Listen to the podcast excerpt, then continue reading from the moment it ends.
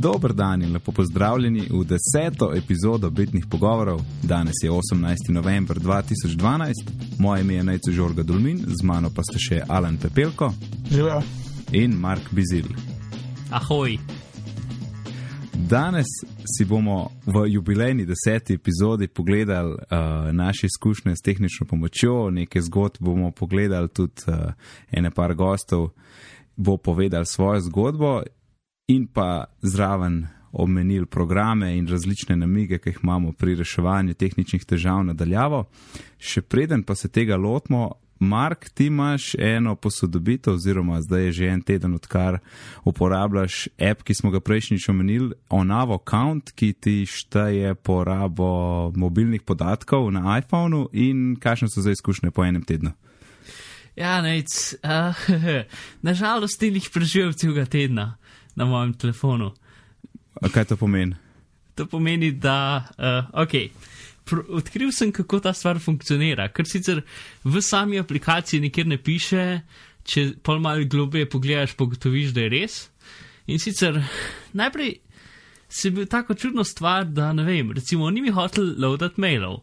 Uh, Kaj to Potem- pomeni? Ti si mail odprl, pa ti ni nalagal mailov. Ja, pa take stvari. Pa recimo, uh, pač na enem WiFi-ju, ki je, a veš, una stvar, ki ti tako odpre eno spletno stran, pa moraš geslo na to pisati, pa te spusti noter. Ja, ja. Tiste ni hotel pržgati.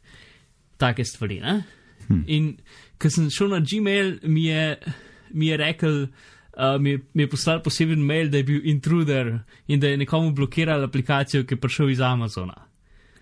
Uh, Aha. In mi nič ni bilo jasno, kaj se dogaja. Ne? In potem sem gotov, kako ta aplikacija deluje. Deluje tako, da inštalira proxy na tvoj telefon, kar pomeni, da vse tvoje podatke internetne pošlje čez njihov strežnik in gre potem na internet. Torej, v bistvu neke vrste VPN ali pa neki. Oziroma proxy strežnik, no? V bistvu je proxy strežnik. In zdaj eno. Jaz nisem jih zelo vesel, ker to ni nikjer eksplicitno povedano, da pošlje vse tvoje podatke čez njihov strežnik. Mhm. In To- to... drugo, tudi uh, pač Google tega ne mara in tako naprej. Ne? Uh, ful dobro, da si, nas, da si nam povedal, kaj dogaja s tem appom in eh, zelo sem razočaran, da se to Mislim, da je to edini način, kako funkcionira. Ne? Ker to je čisto logično, ker jaz, ki sem ga videl, sem mislil, čak je to čisto nemogoče. Ne? Ja, in tudi, potem si rekel, inštaliraj nek certifikat, in pa sem rekel, ok, očitno mogoče neko. Ampak v bistvu, kar certifikat naredi, je, da v tvoj telefon inštalira uh, proxy noter. Ne? A, Uh, ja, pa še to, če zbrišeš samo certifikat, bo proxy še zmeram tam. Če zbrišeš aplikacijo, bo proxy tudi še zmeram tam. kako moraš- pol popolnoma odstraniš Moraš app? resetirati svoje network nastavitve Hmm. in je tako, da greš v preferences, general, uh, reset in pa imaš tam reset network settings in potem si resetira vse gesla vseh Wi-Fi-ja tudi. Ja. Uh, pa če imaš odklenjen telefon, ti zresetira tudi APN, pa ti se pa za MMS, pa tiste vse podatke. Mhm. Uh, tako da to je edini način, da se ga znebiš. No, torej, narediš reset, pa pa še app zbrišeš. Ja, pa certifikat zbrišeš. Najprej zbrišeš certifikat, app in potem še narediš reset. Pa telefon se ti resetira.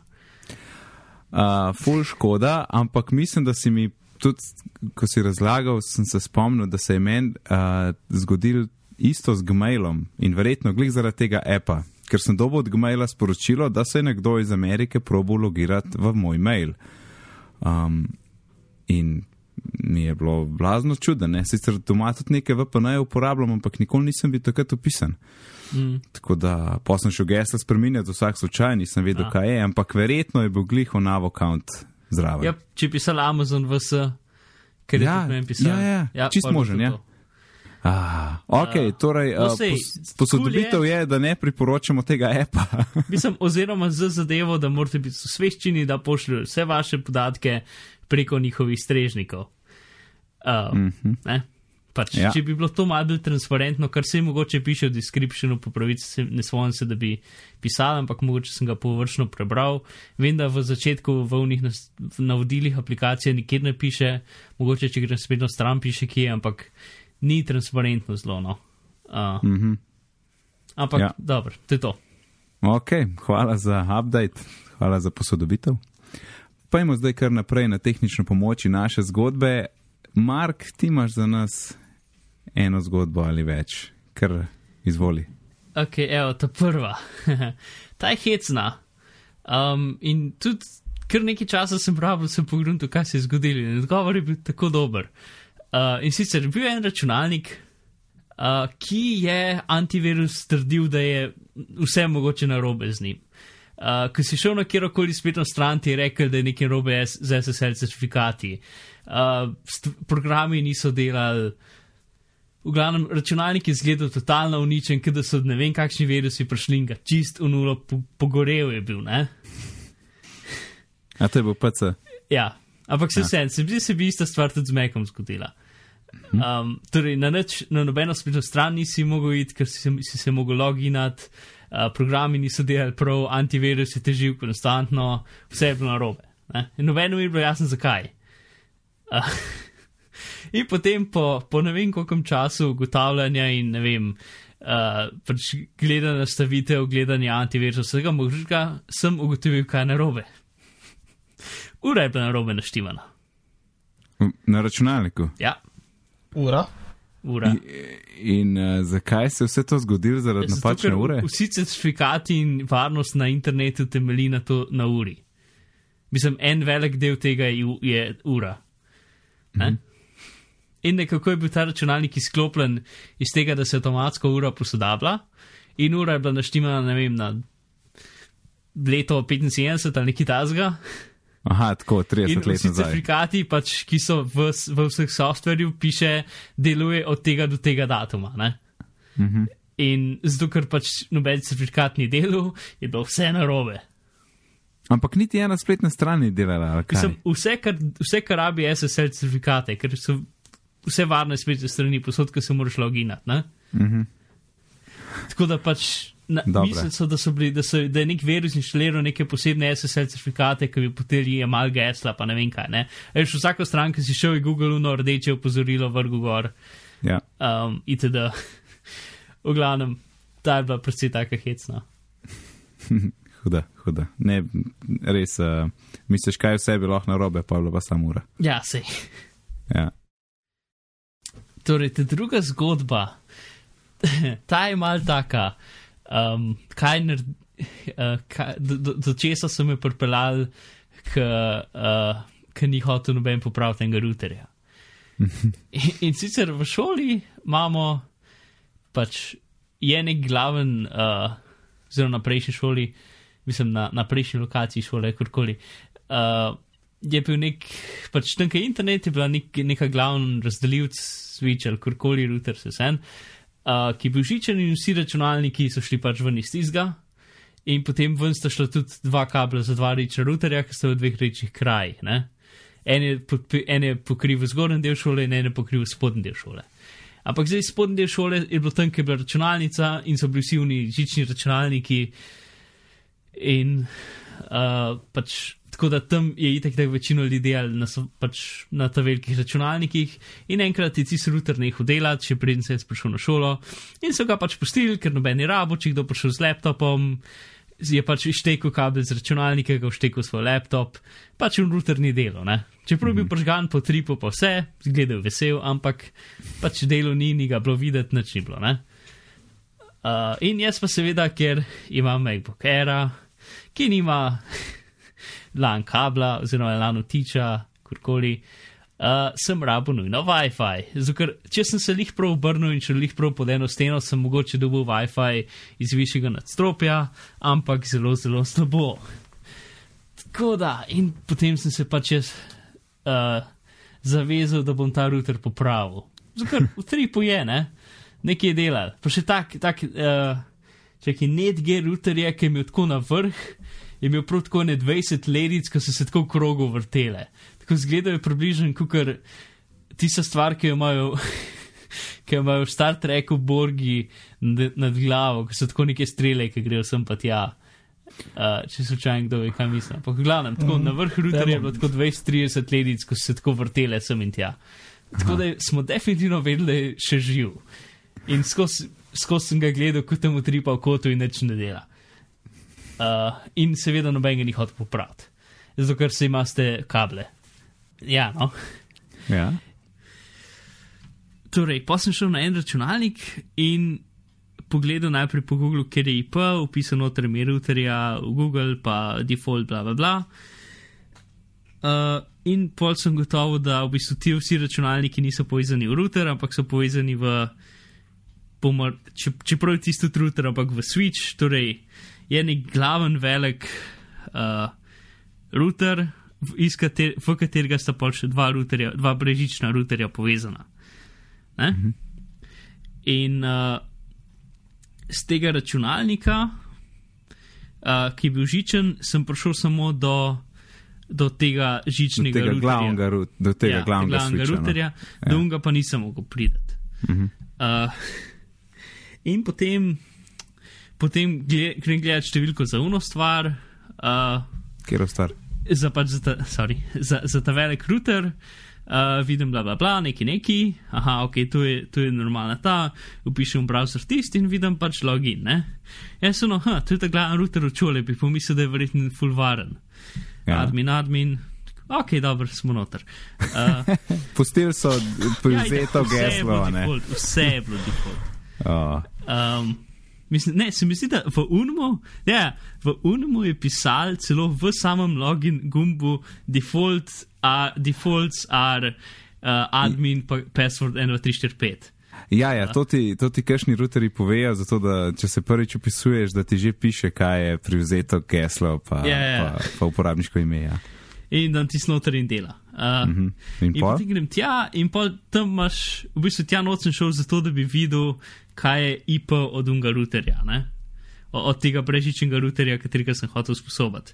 Ker sem videl, da dela, sem videl, da je počgan, sem ga tudi factory šel pogledat navodila in videl, ko se ga factory resetira in sem ga čist resetiral, pač, tako da so vse nastavitve šle, pač 10 sekund ponad z nekim svinčikom držiš en mali gumbak Mhm. uh, in ga ni tam.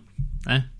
Ja. Gledam se mogoče, gledam, če je, uh, pač, če je neki statičen IP naštiman ali karkoli, vse mogoče. Pač spet, ne vem, dve ure za to porabim, te cajt, ki bi mogel iti pouku, mislim, med poukom, te cajt, ki bi mogel iti boljšega delati. Ne? Am to, torej, zdaj, zdaj ti si konekta na ta glavni switch in gledaš, zakaj un ta drug brežič Ja, ne dela. ki je, ker jaz vidim vse računalnike, ki so povezani, ne? Mhm. in unga pa ni. Pač, Ja. Uh, pač nekako sem, ne spomnim se točno, ko sem gotovo, kaj je router. Se mi zdi, se, da sem gledal tiskama na M100 ali pa neki. Ne? In potem, potem sem gledal, a moram jaz narediti neko, nek statičen IP, da bo pač, da bo zmeram na isti poziciji ali ne vem kaj. Ne? In po ne vem koliko časa grem spet tja nazaj in ugotovim, seveda, da ima da je lan kabel od routerja, ima un pildek, ki ga drži noter zlomljen in je bil kabel čist mal ven iz, ven iz routerja, mislim, iz velikega uh, nebrežičnega, velikega žičnega routerja iztaknen in zato ga ni bilo. Tam je tako To- 60 kablov, ne? Mhm. In tisti en kabel je bil čist mal iztaknen. In to je glih ta od unga brežič. Glih da, ja, in un, in, un, un uh, plastičen pildek je bil odlomljen stran, ne? ki Mhm. ga drži noter. Uh, Ker potem da malo noter, če ne lučko tripat, uh, in pa ga vidim, da je. Po dveh urah zafrkavanja s temi zdajami, ki sem bil siguren, da mogo neke maske spremenjati, pa IP naslove, pa ne vem kaj, pa id po menih, sem pa tja, pa vse mogoče ugotovim, da seveda sem mogel kablo odštekati. Valjda, ne? Yep. Vedno preveri kable. Ja, no.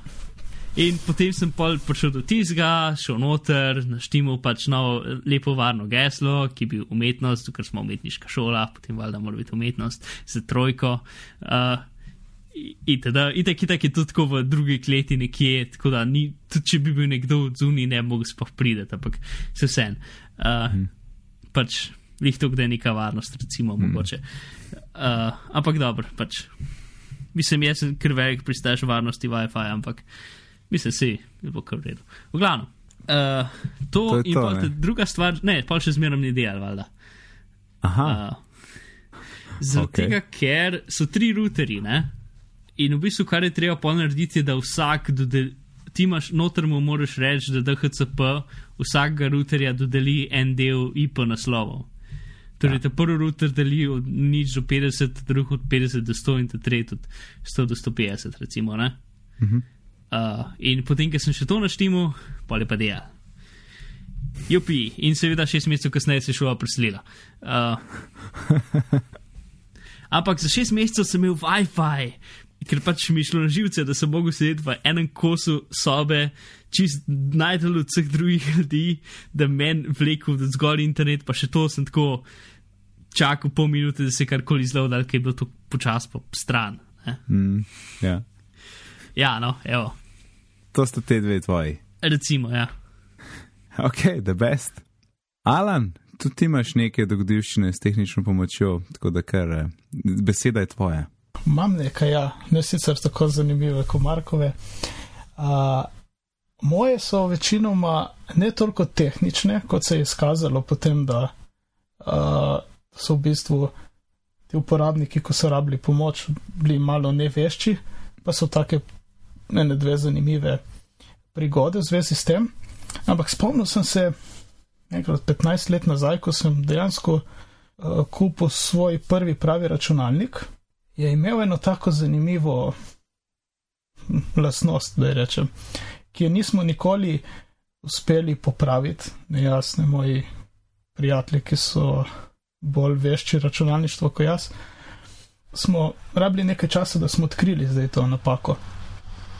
Torej, je, bila je neka stara 486 in uh, jaz sem to kupil od druge ali tretje ali četrte roke, ne vem katere prinesemo to mašino domov, je bil prijatelj z mano, uh, šraufamo, dajemo noč neke druge komponente, ki mi je on jih dal. En modem 28800, ali je bil malo hitrejši, ne, mislim, da je bil kar 28800, en tak fajn počasen modem. Zmontiramo vse skupaj in ta reč ne gre, pač ne more poklicati. Modem, Aha, zač- modem ne dela. Ja, ja, ne dela modem. Sicer začne klicati, preverimo, uh, preverimo to številko, da so bile šune številke, ko je bilo treba klicati, po Mhm. sedmi uri, da je bila cenejša linija in podobne fore.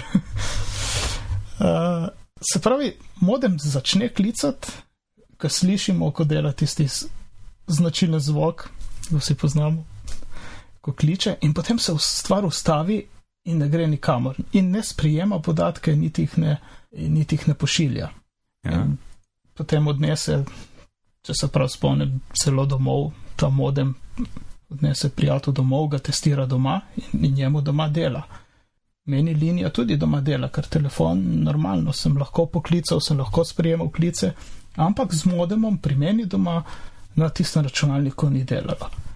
In zdaj točno tistega trenutka, kako se je zgodilo, da smo odkrili, kaj je bilo narobe, uh, oziroma kaj bi mi morali narediti, da bi modem delal, se, eh, se ne spomnim, ne vem kako je bilo, ampak mogoče je eden od naju ruknil slučajno, oziroma premaknil miško takrat in smo videli, da je za en moment delalo. In pa smo testirali in dejansko ugotovili, da je tisti modem delal samo, ko se je premikala miška. Se pravi, ko je uno koleščko notri premikalo une valje, ki so bile v miški. Kva, to, to, to, a, a si zihara, to bo še zdaj še nadaljeval, ker to je blazno nenavadno.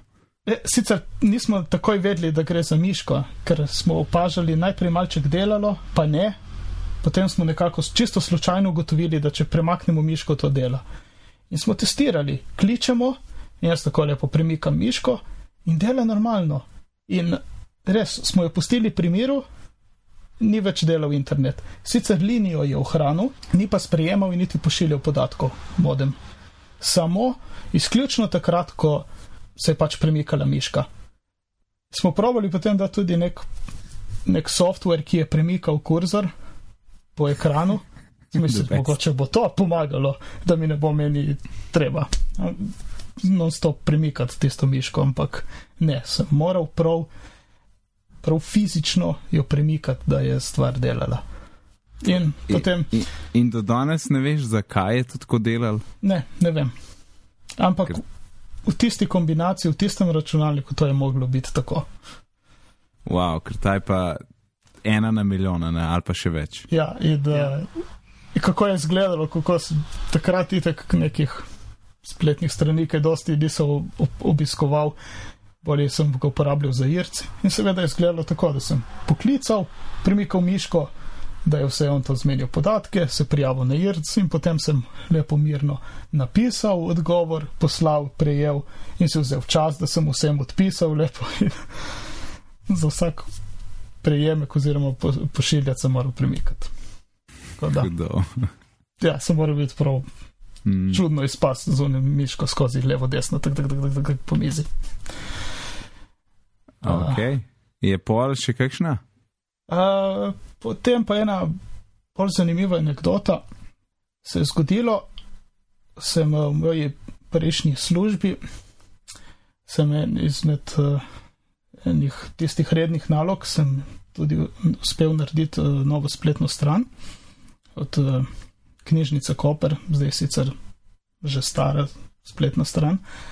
In ko sem jo spremenil, ko sem tisto novo, takrat spletno stran poslal v internet, mi je ena od sodelavk pride povedati v pisarno, da pri njej ni več interneta. To smo bili v istem nadstropju, jaz preverim pri sebi, vidim, da dela, preverim pri drugi sodelavki, vidim, da tudi dela. In rečem, dobro, gremo pogledat do njenega računalnika, stopim do računalnika, preverim kable, vsi so notri, pravilno vtaknjeni, prižgem brskalnik, odpre vse strani, karkoli sem proval, in normalno delal internet. Ampak on je še vedno pravlja, da, ampak da ona nima interneta. Hm. In jaz si še enkrat pokažem, kako internet dela, kako je internet tudi pri njej, ampak ne, da ona ga nima. In Ja, pa mi je ostalo druge, ko sem rekel, no pa prosim, pa mi po, pokaži, kaj to zate pomeni, da ni interneta. In dejansko odpre spletno stran in mi pokaže v menijih, ker v tisti stari spletni strani je med meniji bil. Meni, kaj zdaj? Meni na spletni strani ali meni na spletniku? Meni na spletni strani. Aha. Je eden od, od opcij za klikniti je bil internet kjer so bili zbrani nekateri tej iskalniki. In ona je vedno šla tja na tisti internet in Aha. potem naprej v dejanski internet. Tako da pa smo odkrili, zakaj ga ni več, ker jaz sem pa tisto odstranil, ker sem zdaj brez veze, da je tam v novi verziji strani. Tako. Ja, dobesedno ni imela interneta. Ne? Ja, in v bistvu bila prav, ja, ga ni imela. ja. uh, jaz imam pa tri, pa bom kar, bom kar hiter. Um, torej, me je klical dedek, da je nekaj narobe s televizorjem. Sem rekel, da je opiš mi, kaj, zdaj, kaj dogaja. Je rekel, samo radio vrti, črna slika je radio vrti. Ne? In se spomnim pač, on ima te, to digitalno, ki ima STB zraven, tisto škatlico po televizorjem. In jasno, nekako se je zmotil in na daljnici pritisnil tisti gumb, ki ti preklaplja med TV-jem in radijem, ne, temi digitalnimi. Um, in zdaj je bil problem, jaz nisem, jaz nisem poznal daljnca na pamet, nisem imel pojma, kje je tipko naj pritisne, on mi pa tudi ni znal opisati. Ne, tako da pač vedel sem, ok, jaz moram nekako priti do, do neke slike tega daljnca, da mu lahko povem. In sem vedel, da ima pri telemahu, uh, torej televizor, tam je pač naročnina. Sem šel na njihovo stran, iskal pač daljnc, gledal po navodilih za uporabo, ki jih imajo in najdo ene pet, šest daljncev in neč, noben ni bil ta prav, ker pač vedel sem približno, kako zgleda, ne, tako da bi ga prepoznal, samo ga nisem. In napišem na Twitter, hej, ama kdo telemah, so tebe doma, um, da je ne mi prosim slika daljnc. In sem dobil ene par slik, pa še par linkov na telemahovo stran do tistih navodil in ene pet, šest, sedem daljncev sem okolo obrnil, pa noben je bil ta prav, ne. Pa se pa je na puncu oglasila, uh, ne vem, kdaj je bilo to, rečemo ob ene dveh, in je rekla, ja, imam jaz doma, bom slikala pol popoldan. Ok, super, ne, sej sem mislil, sej spet ne bo ne. In po res, ene, ne vem, šestih začer dobim slikco in je bil točen ta prav dalinc in sem najdel, da je bil rdeč gumb, kličem detka, sem rekel, hej, daj prim dalinc za uno škatlico, pa rdeč gumb pritisnem. In bom, je bilo rešeno. Ne. Tako da je bilo odlično, ker mi ni bilo treba tja fizično iti in ga gumba pritisniti, ampak sem lahko to nadaljavo rešil. Tako da je, Twitter. Super. Um, pa pa ena druga, pa kliče moja draga mati, da isto nekaj s televizorjem, da ne dela, ne. pač TV ne dela, je bila prva stvar. Ne. In zdaj pa kaj pa pomeni, da, te, da TV ne dela, da jim mi malo več povej. No in pol nekako gotoviva, da daljnc ne prime. Ne. Ok, sem rekel, da je do televizorja, pa pritisnem tipke ob, ob strani, ne, oziroma na tisti škatlici, ki jo imaš. A, se, a, a lahko premikaš kanale. In je lahko premika, premikala kanale, torej ni bil problem v škatlici, ampak v daljincu. Um, in pol, jaz sem mi takrat že rekel, ker me je klicala pač moj iPhone, da sem rekel, da je preklop na FaceTime, da sem videl sliko in sem rekel, pokaž mi sliko, pa, pač pokaž mi sliko televizorja, da vidim, kaj se dogaja. Um, in sem videl, da dejansko pač premika lahko kanale na tistem STB-ju, ne more pa z daljincem. Ne. In trdila je, da je baterija že zamenjala, ne. ampak vseeno. Um, pa sem rekel, da ne, zdaj pa tle ena full dobra finta. Če ne veš, a baterije delajo ali ne v daljincu, lahko ti daljinc, z daljincem ne, ne ustreliš, ampak pač pritiskaš tipke, pa daljnico obrneš tako, da strela not v kakšno kamero. In če gledaš ti skozi kamero, tist, eh, tist, eh, kjer je tisti IR senzor oziroma IR oddajnik, lahko vidiš, da se da eh, oddajnik pržiga, če, če gledaš to skozi kamero. Z prostim očesom tega ne moš videti. Tako belo za, za svet. Ne. In sem rekel, lej, dej v smer v iPhone, pa pritiski, pa da jaz vidim, da to dela ali ne. In ni gorel in jasno, napačne baterije je dala not, oziroma so bile kolo obrnjene in pač smo hitro rešili, da so problem baterije in da jih mora zamenjati in je bilo spet rešeno. Tako da to je full dober namik, se vedno lahko spomniš, da z daljincem ustališ v fotič ali pa v telefon in vidiš, a daljinc dejansko pošilja signal ali ne. Cool. To smo šel tudi rešili. Kaj bomo šel takoj probat zdaj? ja, to je full dobro, to je res, to je res, to je, res, ja. to je full praktično vedeti, res. Zdaj pa še ena tretja, uh, je bila pa v službi in kliče stranka, da ne, ne dela geslo tam za en naš uh, spletni učni portal. In jaz rečem, ok, povejte mi podatke in sem šel v sistem in spremenil geslo na neko novo, ne tako, ne vem, ga je izgubila ali kaj je bilo. In jaz povem geslo in reče, še kar ne dela. In grem jaz na spletno stran, pa se jaz upišem, pa rečem, ej, gospa to dela, pač bodite pazljivi na kako opisujete znake, da so majhne črke, pa vse tista klasična, klasična opozorila in še kar ne dela. Ne.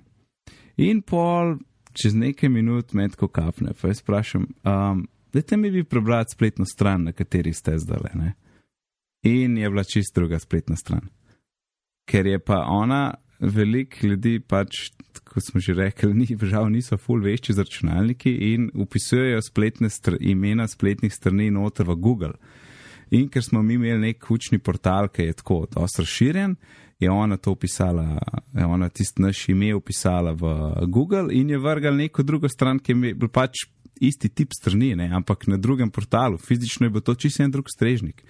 In jasno, tudi zgledali je vse isto. In ona se je upisovala tam in ni delala. Tako da zdaj sem se navadil, ker mi kdo reče, da ne dela geslo ali kaj podobnega, vedno vprašam in hitro preverjam, je na pravi spletni strani, ne? ker se lahko dolg čas obadaš z, neko, z nekim problemom, rešitev je pa čist simpel, pa čist drugi, ne? kot iščeš. Takole, naše, naše tri. Naše tri, naših nekaj zgodb smo preverili, zdaj bo pa še z nami Domen Savič delil svojo izkušnjo.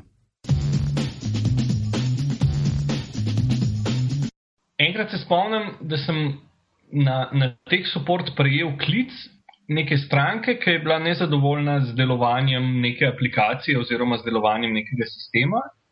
In potem smo šli čez standardne korake oziroma postopke, kaj ne dela, kaj kliknete uno in tretje. In smo šele potem, in stranka je bila zelo nezadovoljna, oziroma nič od tistega, kar sem ji govoril, ne naredi, oziroma predlagal, da ne naredi, ni deloval. In potem sem šele po ne vem kolikih, po parih minutah pogovora vprašal, da če ona sploh je naša stranka, oziroma če sploh uporablja pač sistem, ki ga mi proizvajamo, oziroma ki ga proizvaja naša firma. In je še lepo pogruntala, oziroma so še lepo pogruntala, da, da sploh ne uporablja tega sistema in da bi mogla konkurenci poklicati, ker tam skrbijo za pač, vzdrževanje sistema, ki ga ima naš imanga. Um, tako da to je bila ena tako zelo zanimiva uh, prigoda, ki me je pol v bistvu spodbudila k razmišljanju, ne, kakšen odnos ima, ima teh support do svojih strank, oziroma kakšen odnos imajo slovenske firme do svojih strank, če se takrat, ko se neki zalom, ljudje sploh ne vejo, kam poklicati, oziroma kličajo, kličajo čist na napačen konc. Mm. To je ta dogodivščina. Um, Drugače sem bil pa kot vodja oziroma kot nekdo, ki se, ki se je s teh suportom ukvarjal par let znotraj, znotraj enega podjetja, mi je bilo v bistvu zelo zanimivo m, gledati oziroma pač ugotavljati, kot si ti omenil, kakšen pristop eh, pri določenih strankah najbolj užge oziroma kakšen pristop funkcionira pri suportu. Zelo zanimivo je, da, da se ljudje še zmeri, čeprav je pač internet ne, oziroma neki, neke mobilne komunikacije oziroma um, no, internetne komunikacije, da so zelo vsakdanje oziroma da jih uporabljamo že, že povsod, se ljudje še zmeri zelo bojijo teh računalnikov oziroma še zmeri mislijo, da bodo kaj pokvarili, če bodo kaj preveč kliknili. Uh, noben ne bere tega, kar mu računalnik sporoča, oziroma noben ne bere teh statusnih okn in tako naprej. Mm. Je v bistvu zelo zanimivo, da je najboljši način, oziroma da je najboljša varijanta, ki jo lahko narediš, da pač poslušaš, oziroma jemliš, da, da so vsi zelo, kako se temu reče, lepo, da ne bom rekel neumni. Um, da so vsi zelo nevešči, oziroma da jih moraš zelo spodbujati, da nekaj naredijo, oziroma da nekaj probajo. Ne? Mislim, da je glavna, glavn, um, glavna fora teh suporta, je, da bi mogel, oziroma da bi, da bi ta pravi teh suportari, da bi mogli v bistvu spodbujati ljudi, da ne kar probajo kakšno zadevo.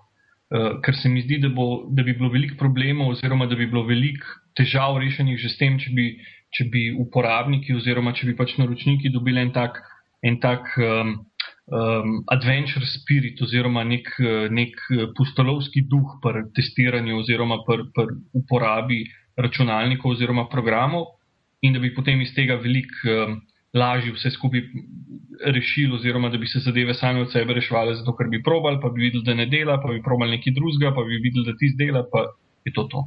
Um, pri teh suportov je najslabše, se mi zdi to, da, da uporabniku v bistvu tako po korakih oziroma po, po, neki, po nekem seznamu um, razlagaš, kaj mora narediti, zato ker boš s tem rešil samo točno tisti problem, ki ga bo imel uporabnik, ki bo poklical.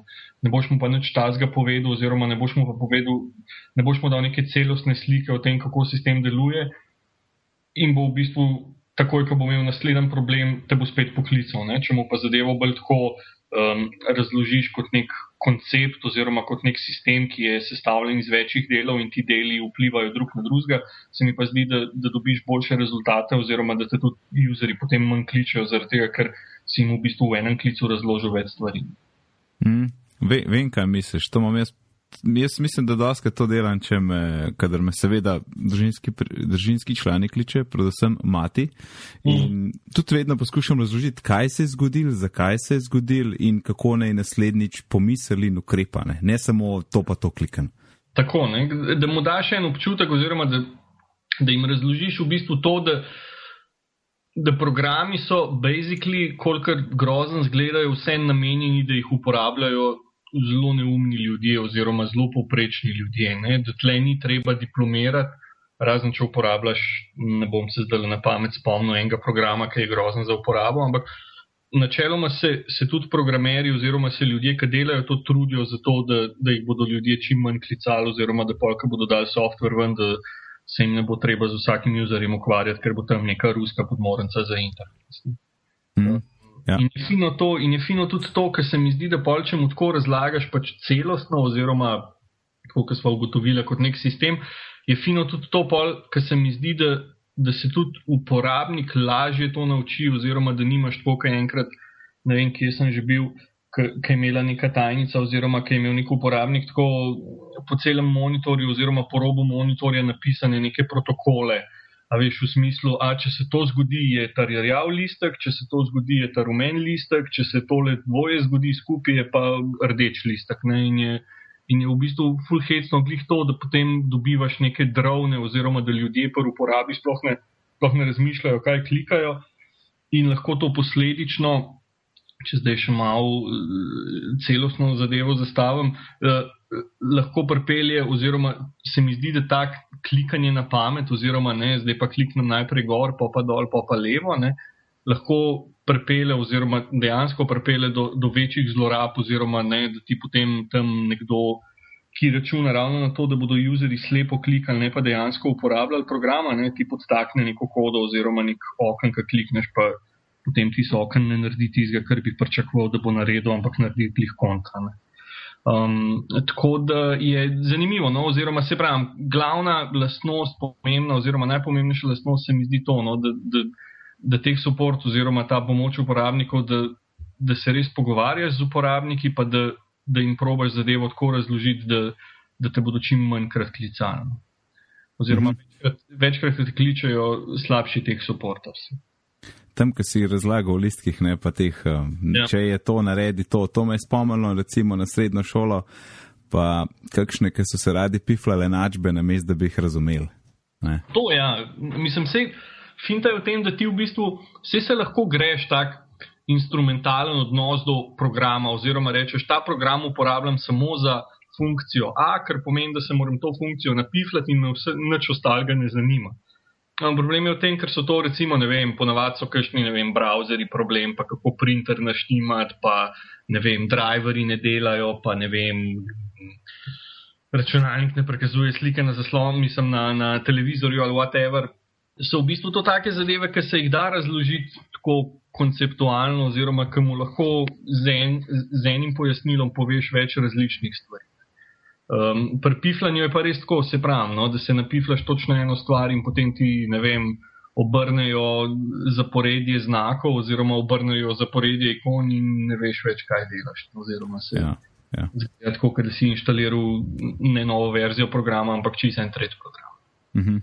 Ej, super si to povzel, Domen. Hvala, da si se oglasil, pa se vidimo naslednjič. No, zmenjeno, fajn se imejte. Tako, doma nam je zupal svojo izkušnjo, zdaj pa z nami še Blaž Galič, ki nam bo povedal svoje zgodbe iz časa, ko je delal na Telekomu.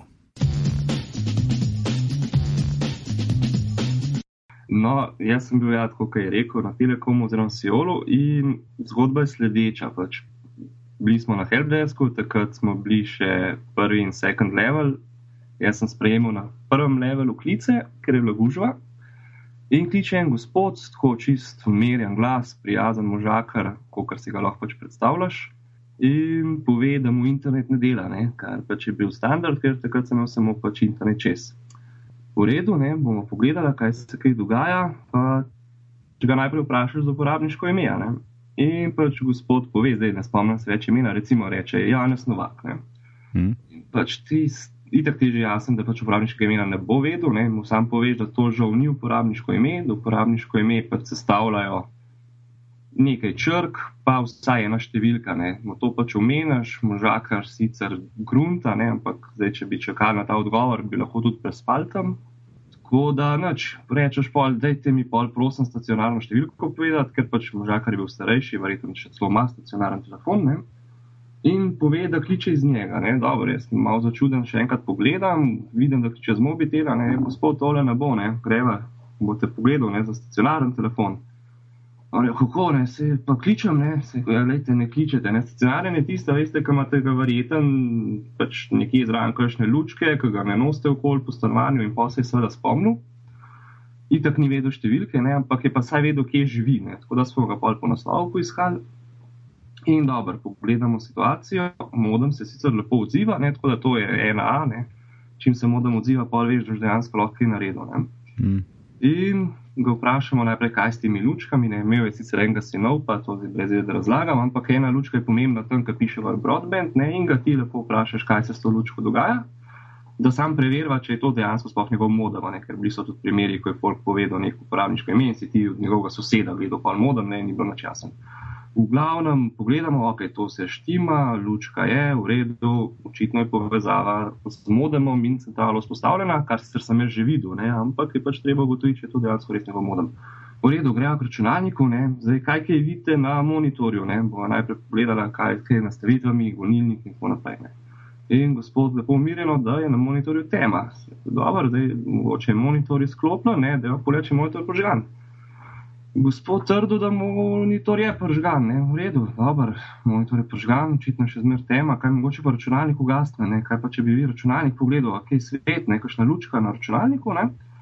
In gospod, ja, da pržgal ga seveda je, ne, ampak da lučke pa trenutno ni nobene. Ne. Ok, kul, cool, ne, sprav, računalnik je ugasnen, tudi na modemu ga ni bilo videti, ne, in ne prek Wi-Fi-ja, ne prek kabla. Uh, Dejva pogledati, kaj, kaj, kaj se dogaja s tem računalnikom. Ne? Če mi boste od zadaj pogledali, najprej je kabel za 220, to je tak črn kabel, ne dosti velik. Ne? Če je ponovadi na vrhnem delu računalnika, ne? če je to vklopljeno. Gospod, ja, to zdaj bo težko, ne? zakaj bo težko? Sej računalnik, verjete, imate nekje blizu. Ne? Ja, ja, imam kaj pri nogi, ne, sam bo težko, ker nečke dosti ne vidim. Ne? Gospod, kako, kako ne vidite, ne? kaj se dogaja? Ja, ima je tema, ne, sem rekel, dobro, je tema, ni problema, pač tako neko svetlitev najte, ne, da v te vidu, ne, kaj se. Ja.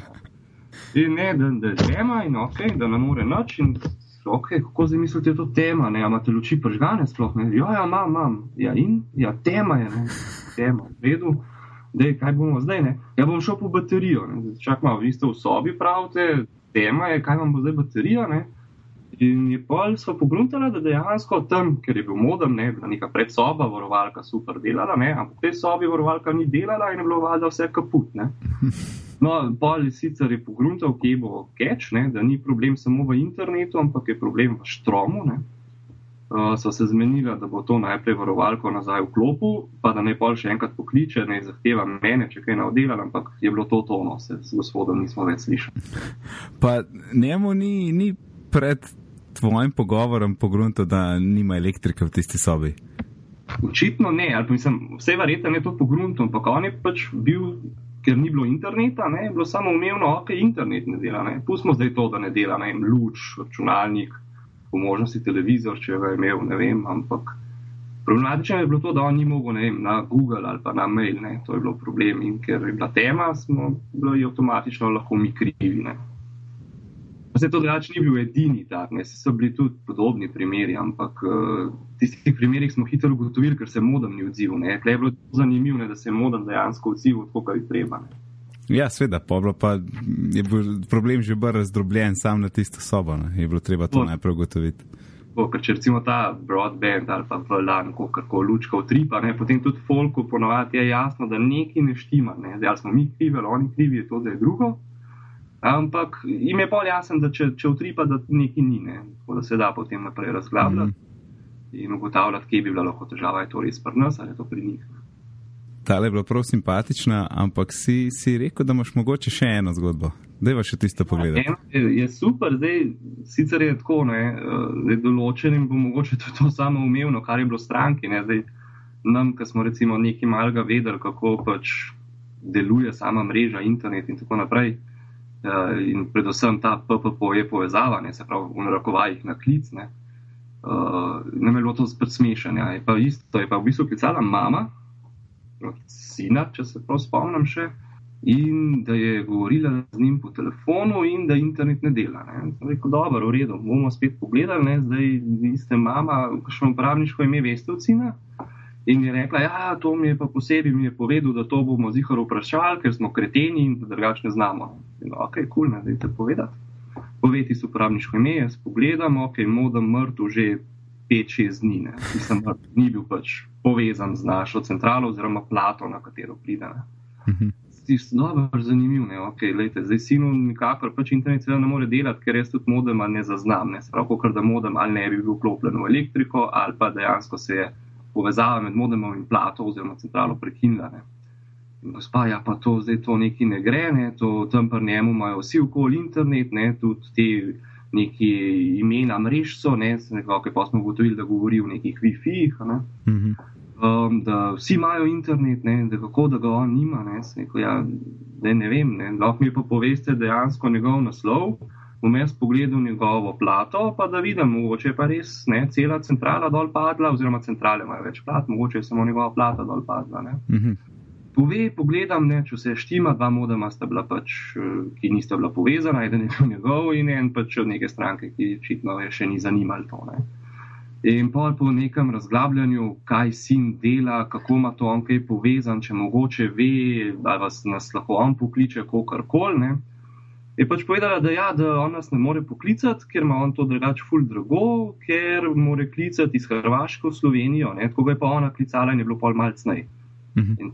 pač prvi tisk preklopne, ok, Hrvaška, Slovenija, internet, kako si zdaj to oni predstavljajo, je to dejansko naš internet ali kakšen drug. Ne? No, pa smo pa ugotovili, da je možakar veselo, očitno v Boršo z vsemi svojimi gatami in ostalimi stvarmi, spakiral tudi modem ne? in ga je hotel očitno tam preklopati v nekem hotelu in se preko našega modema na Hrvaškem z nekim X UTP kablom, ki ga je dal modem kot linijskega, v hotel povezati. Sveda ni šlo, gospej to razložiti, ker je bilo dokaj nemogoče ampak se je pač udalo v sodo, da sin, dokler ne bo prišel v Slovenijo in ga v Sloveniji priklopil nazaj tam, kjer je pač modem bil, ne, ne, bo, ne bo mogel preko nas dostopiti do interneta. Ta je dobro, ja, vzameš modem, pa se priklopiš kjerkoli na svetu nazaj v omrežje. Odlično. Ena A, zdaj bo to pogrunto, bomo videli, ampak zaenkrat še ni. No. Zaenkrat še ni. Ej, super, Blaž, hvala, da si se oglasil, pa lepo se mej, da naslednjič. Lep večer tudi tebi. tako, zgodbe smo predelali, so zabavne, so dobre izkušnje za nadaljne reševanje problemov. Zdaj bomo pa pogledali nekaj orodij, ki jih uporabljamo oziroma jih priporočamo pri reševanju tehničnih težav nadaljavo. In Alan, ti si mi prej omenil že, da si uporabljal neko orodje za oddaljeno na mizje.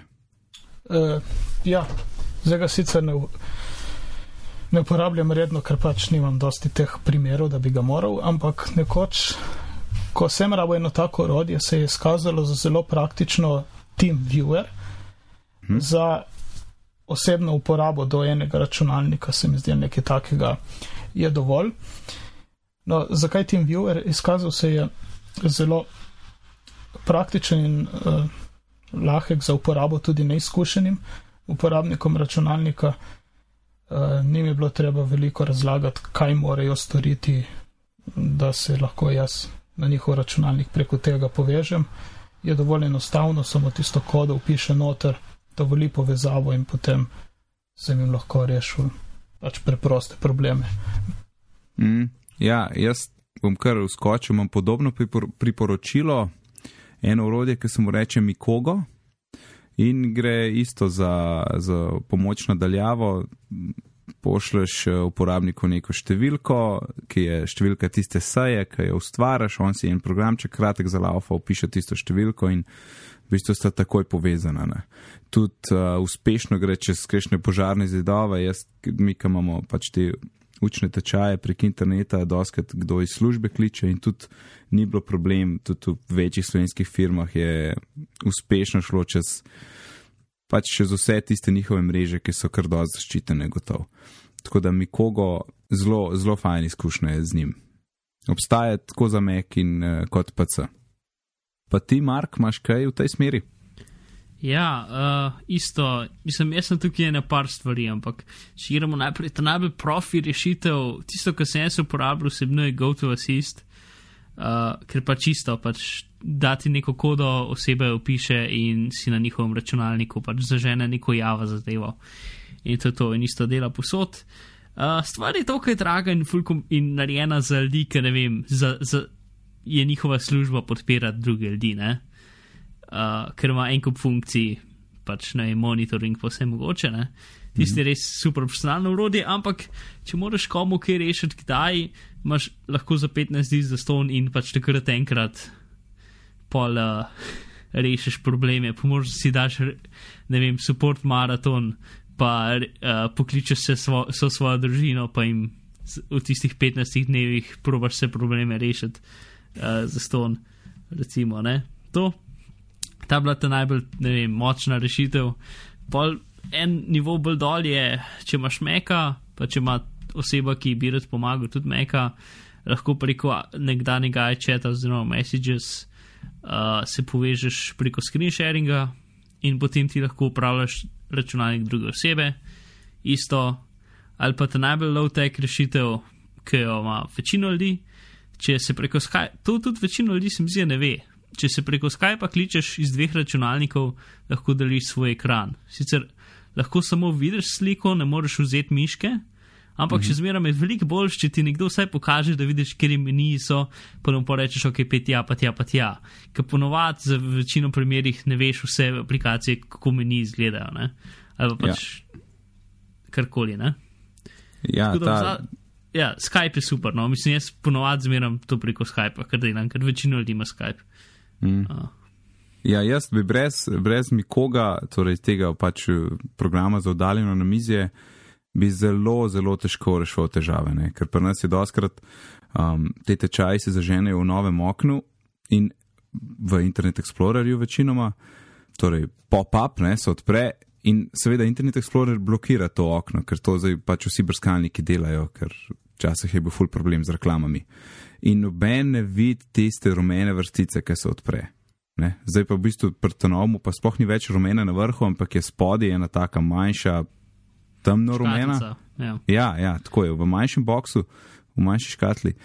In no, noben ne opaz tega, vedno, vedno moram. Pa tudi, če jim povem, se ne, ne vidijo, tudi tiste rumene taka bleda rumena, kdo zameša, pa misli, da v bistvu bela.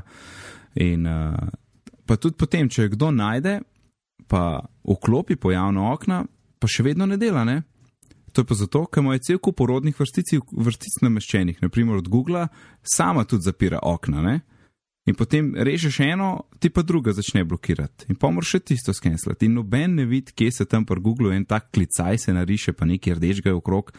To, to se sploh ne opasne. In, če, in dokler mi človek ne pokaže svojega zaslona, je blazno težko rešiti in poklikati točno tisto, kar je. Ker mi itek ne zna opisati, kaj ima tam gor. Če se rečemo, imate kakšne urodne vrstice v Internet Explorerju nameščene, eh, pač večinoma je tako, kot bi francos govoril. Ne? In moraš se skonektati in eh, lahko rešiš potem precej hitro. ja, rodne vrstice v Internet Explorerju so posebna vrsta pekla. Ja. Uh, Ja, točno to je. uh, Um, zdaj, ker smo pri oddaljenih na mizih, še eno priporočilo za mogoče pomoč uh, bližnjim prijateljem in družini je uh, s- orodje oziroma spletna stran logmein.com, ki pa v bistvu gre isto za oddaljeno na mizje, ampak na malo drugačen način, što si o tem, da ti naložiš logmein na te klijente, ne računalnike. Jaz imam recimo predetko je naročen, na, nameščen, pa pr, pri mami na njenem laptopu. In potem, če me kliče za kakšno težavo, se jaz lahko direktno tja povežem. Ja, direkt z brskalnika, tudi orodje za iPad, pa iOS, tudi, tudi to je mogoče. Ampak zelo je praktično, na kjer koli računalnika se lahko tja povežeš, pišeš svoje geslo, uporabniško ime in takoj vidiš un zaslon in ga že, že nadziraš. Ne? Tako da tudi tistemu, ki mu pomagaš, mu ni treba nič delati. Sam rečeš, le se bom jaz konektal, pa bom poklikal, pa bo rešeno. Um, tako da to je logmin, ki mi rešuje kar že en čas, kar nekaj let, že zelo uspešno. to, to bi se VNC, ne? Mislim, vse, vse to je VNC, ampak pač to, ta stvar je verjetno bolj namenjena za osebno uporabo ne? in pač ljudje, ki ti, ki ti zaupajo in ki ti njim zaupaš, daš to Ja. v njihove računalnike. Ne? Ja, tako je. Uh, ja. In Sicer imajo kdaj- neke kdajkoli pro rešitve. Dostop, ne? Ja, ja, v bistvu, sam da je računalnik pržgan, se lahko povežem. Ja, Ja, torej, tako da ljudje, pač, ki ja. ti zaupajo. Tako je, drži. Ma kdo še kakšno priporočilo, ker jaz imam še eno dobro zadevo. E, povej. Torej, obstaja še eno tudi brezplačno orodje, ki ima sicer neke profunkcije za doplačilo, ampak se imenuje Jink, ki je od avtorjev um, Camtasia, ki je tudi neko orodje za, za snemanje zaslona. Uh, in Jink je tak zelo simpel in super praktično orodje. Um, Ko ga odpreš, se tako en tak sonček skoči gor v navrh zaslona in potem imaš tak pol, rumen polkrog čist na vrh zaslona. In kadar moš ti nek del zaslona svojega ne, posnet ali pa fotkat, greš sam tja gor, klikneš na tisti rumen polkrog in rečeš, ok, screen capture, da boš naredil zajem zaslona, označiš del svojega zaslona in potem lahko ali narediš kratek video, ki je lahko dolg do 5 minut, ali pa narediš sliko, ki jo potem z dodatnimi puščicami in oblački opremiš in lahko neke stvari pojasniš. Torej, ima dve stvari, video ali pa zajemanje slik. Ampak tista tretja, zelo velika praktičnost je, da pri Jingu imaš ti uporabniški račun in en giga prostora je za ston. In vsako stvar, ki ti zajameš, lahko takoj pošlješ tja na strežnik, torej se samo uploada k, pod tvoje uporabniško ime in takoj, ko je uh, to, ta prenos zaključen, ti Jink skopira link do tega že v clipboard, ne, v odložišče. In ti greš potem sam še v kakšen e-mail in pestaš ta, prelepaš ta link v sporočilo in pošljaš tisti osebi, ki rab neko rešitev. In pri, recimo, če nimaš možnosti te, tega, tega oddaljenega na mizje, ki smo, ki smo ga prej omenjali, je Jink super rešitev, um, ker zelo, zelo hitro lahko nekaj posnameš, poveš in pošljaš naprej. In uh, ne samo, da lahko pošljaš eni osebi, lahko pošljaš več osebam. Ne? Tako da enkrat, ko smo delali na nekem projektu in je več ljudi rabili ista navodila, sem jih vse tako pripravil, sem se posnel na pripravo linka in poslal vsem naenkrat. Ker prednost je tudi v tem, da če kdo je kaj pozabil, gre lahko spet gledati in si spet ogledati isto stvar. Ne? Ni treba meni desetkrat razlagati. Enkrat se posnameš in je to to. In uh, Jink je na voljo za Meka in za PC, in v službi je, um, sem mu kar hvaležen, ker mi je prehranil veliko časa in verjetno tudi živcev. Jaz sem, se mi zdi, da enkrat tudi Jink uporabljal, Jink, uh, ampak pa sem pozabil na njega, se mi zdi ali ne, in to še kaj je bilo fora. Uh -huh. uh, ja, kul urodi. Mislim, yep, jaz imam rajš čim manj urodi, tako da večinoma te stvari rešim iz uh, screen, screen grabom, pa pol iz preview, pač dam pušice gor ali pa če vam video posnamem, ne, iz quick time ali pa z nečem. Uh -huh. uh, pač, kukar da imam še eno stvar, ki teče v zadju. Ali pa je ja, mo karkoli. Mogoče bolj ne, ker na Meku je kar nekaj teh orodij že, že v sistemu, tako da je mogoče bolj priporočilo to za Windows uporabnike. Ampak v službi imam Windows in mm. super, super. To ali pa skiče, skič za Windows. -e. Ne, mislim, da skič ni. Skič, skič podobno dela na Meku, ampak uh, ne posname videa, ne posname ja, ne, pa. Sem za slike. Sam za slike, pa tudi zelo, lep, zelo lepo se da opremiti potem s puščicam in besedilom. Mm. Ja. Tako, na hitro smo šli čez tele namige in orodja, zgodb smo imeli malo več, tako da bomo zdaj se lotili še naših priporočil. Alan, kaj si za nas pripravil? Hej, Waze. Veliko potujete in imate pametni telefon, uporabljate Waze. To je pač ena socialna navigacija, rečemo temu. Stvar prižgete, se peljete po cesti, to vas skozi lovi na satelitu povezane na internet in če se kaj zgodi, poveste to drugim uporabnikom ali pa izveste od drugih uporabnikov, ne, kakšni zastoji na cesti uh, in podobne reči. Mhm. Uporabna zadeva. Več, ko bomo to uporabljali, bolj bo praktično. Ja, tudi jaz priporočam. Ampak gledajte na cesto, ne boljet noter v to med vožnjo. Ja. Mark?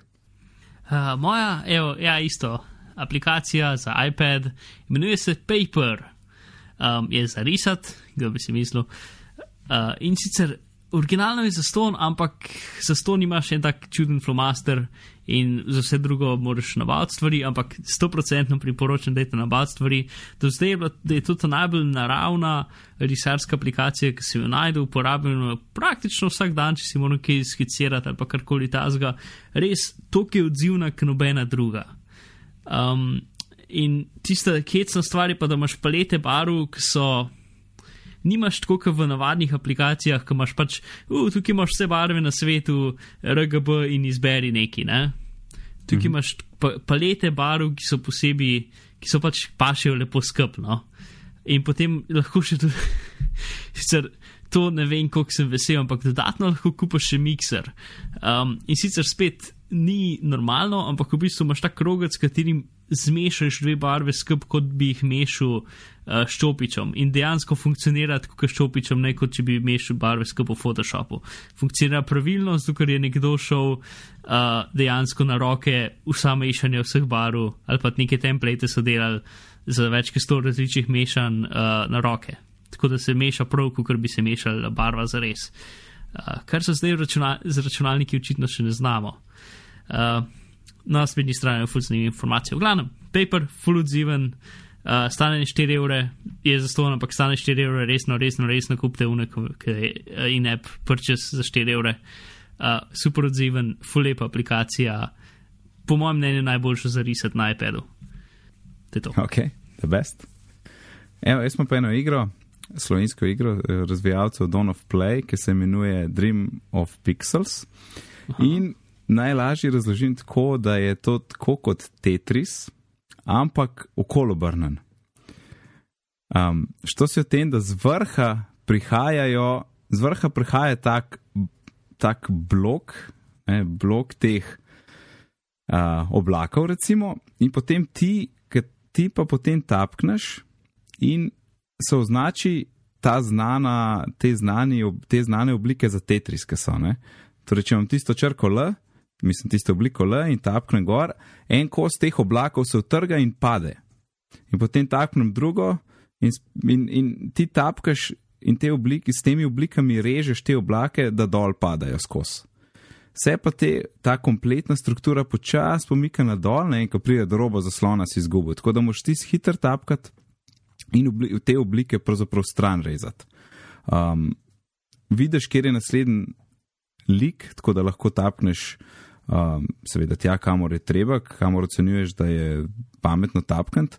Kar se tiče same samega, same pozicije lika, ne, ker pri Tetrisu se pač ti oblika obrača, ti aplikacija proba sama najbolj izbrati najboljšo pozicijo, tako da ti lahko samo hitro tapkaš in te kose režeš stran. Če pa želiš kakšen kos mečkino obrniti, pa s prstom začneš tapneš in začneš vleči tokol po tej mreži in ga odrežeš pač na drug način.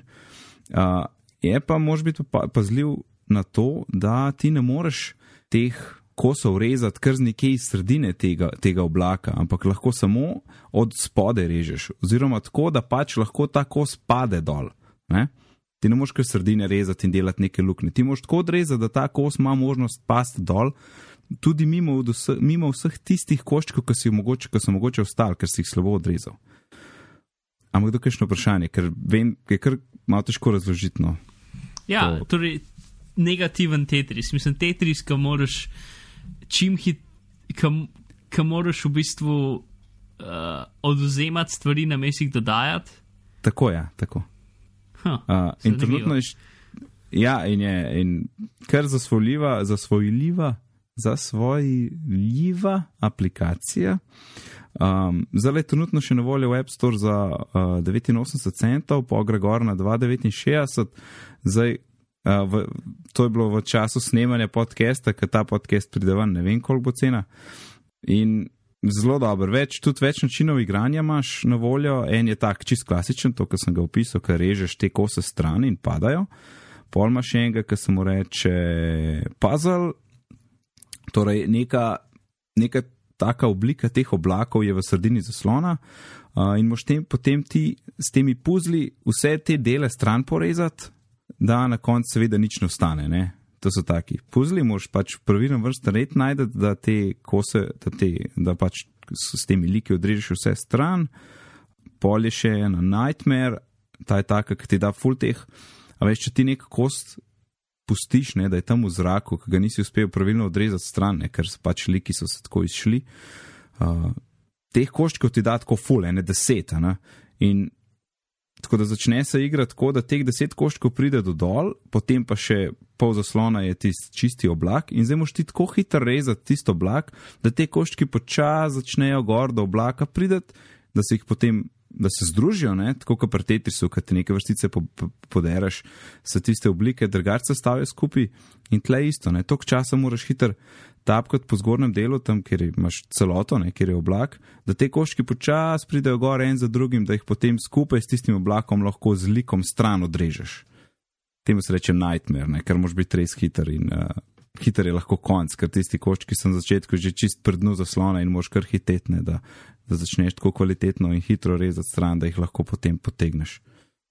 Full redo priporočam za svojljivo, lepa grafika, uh, avtorska glasba, taka, ne vem, mistično, popovska, obarvana. In uh, to je Dream of Pixels. Ja, se pridržujem priporočilu. A si igral? Jaz pa kupujem lihke. Sem. Že igram, lovim tvoj rekord. o, kar potruce. A, o tem si ti tweetil ne skoraj, zdaj pa vem. Zdaj zelo Ja, to je občasno, bilo. zelo občasno, twi- uh, ok, ne zelo, ampak malo bolj občasno spremljam Twitter in ker naenkrat vidim, da ljudje po- postajo skoraj brez kjerkoli konteksta. Um, To je to, ja, to je to. Uh, dajmo kar zapakirati, ker imamo danes mečken daljšo kot običajno. Torej, hvala Alan, hvala Mark. Alan, povej nam, kje te lahko najdemo.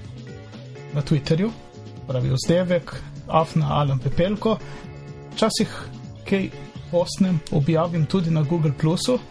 Če vas zanima, je naslov en tak fajn, lep, za si ga zapomniti. plus.google.com, poševnica U, poševnica nič, poševnica 1, nič, 2, nič, 6, 2, 9, 6, 2, nič, 2, 5, 4, 4, 7, 7, 5, 4, 3, 2, poševnica posts. Tako. Oh, super, up, kdo si je to zapomnil, čestitam. Uh, Mark, kjer je iskalnik, bomo pa danes spoznali. no, in mene najdete, v bistvu me ne najdete, ampak se vse en. Če greste na QQ, torej 2kuja.com, ki je uh, kitajski brskalnik, ki ima izjemno zanimiv dizajn spletne strani, dobesedno je gora teksta, ampak uh, zabaven za ga gledati. V glavnem, not napišete Mark Gazil in ne boste najdel absolutno nič o meni. The best. Uh, moje ime je pa Najc Žorga Dulmin, na Twitterju me najdete pod izdelkom NateD. Sicer se profesionalno ukvarjam z izobraževanjem, gradim e-tečaje in pišem tudi za jabolko.org. Povezave do vseh stvari, ki smo jih omenili v tej epizodi, najdete na bitni.dulmin.si, smo pa tudi na Twitterju, lepo pod praktičnim izdelkom Bitni pogovori. Naslednjič bomo govorili o igrah na iOS-u in morda bo še z nami uh, mogoče kakšen razvijalec slovenski za iOS. Hvala, da ste bili z nami, lepo se majte, do naslednjič. Živijo. Ciao! Ciao.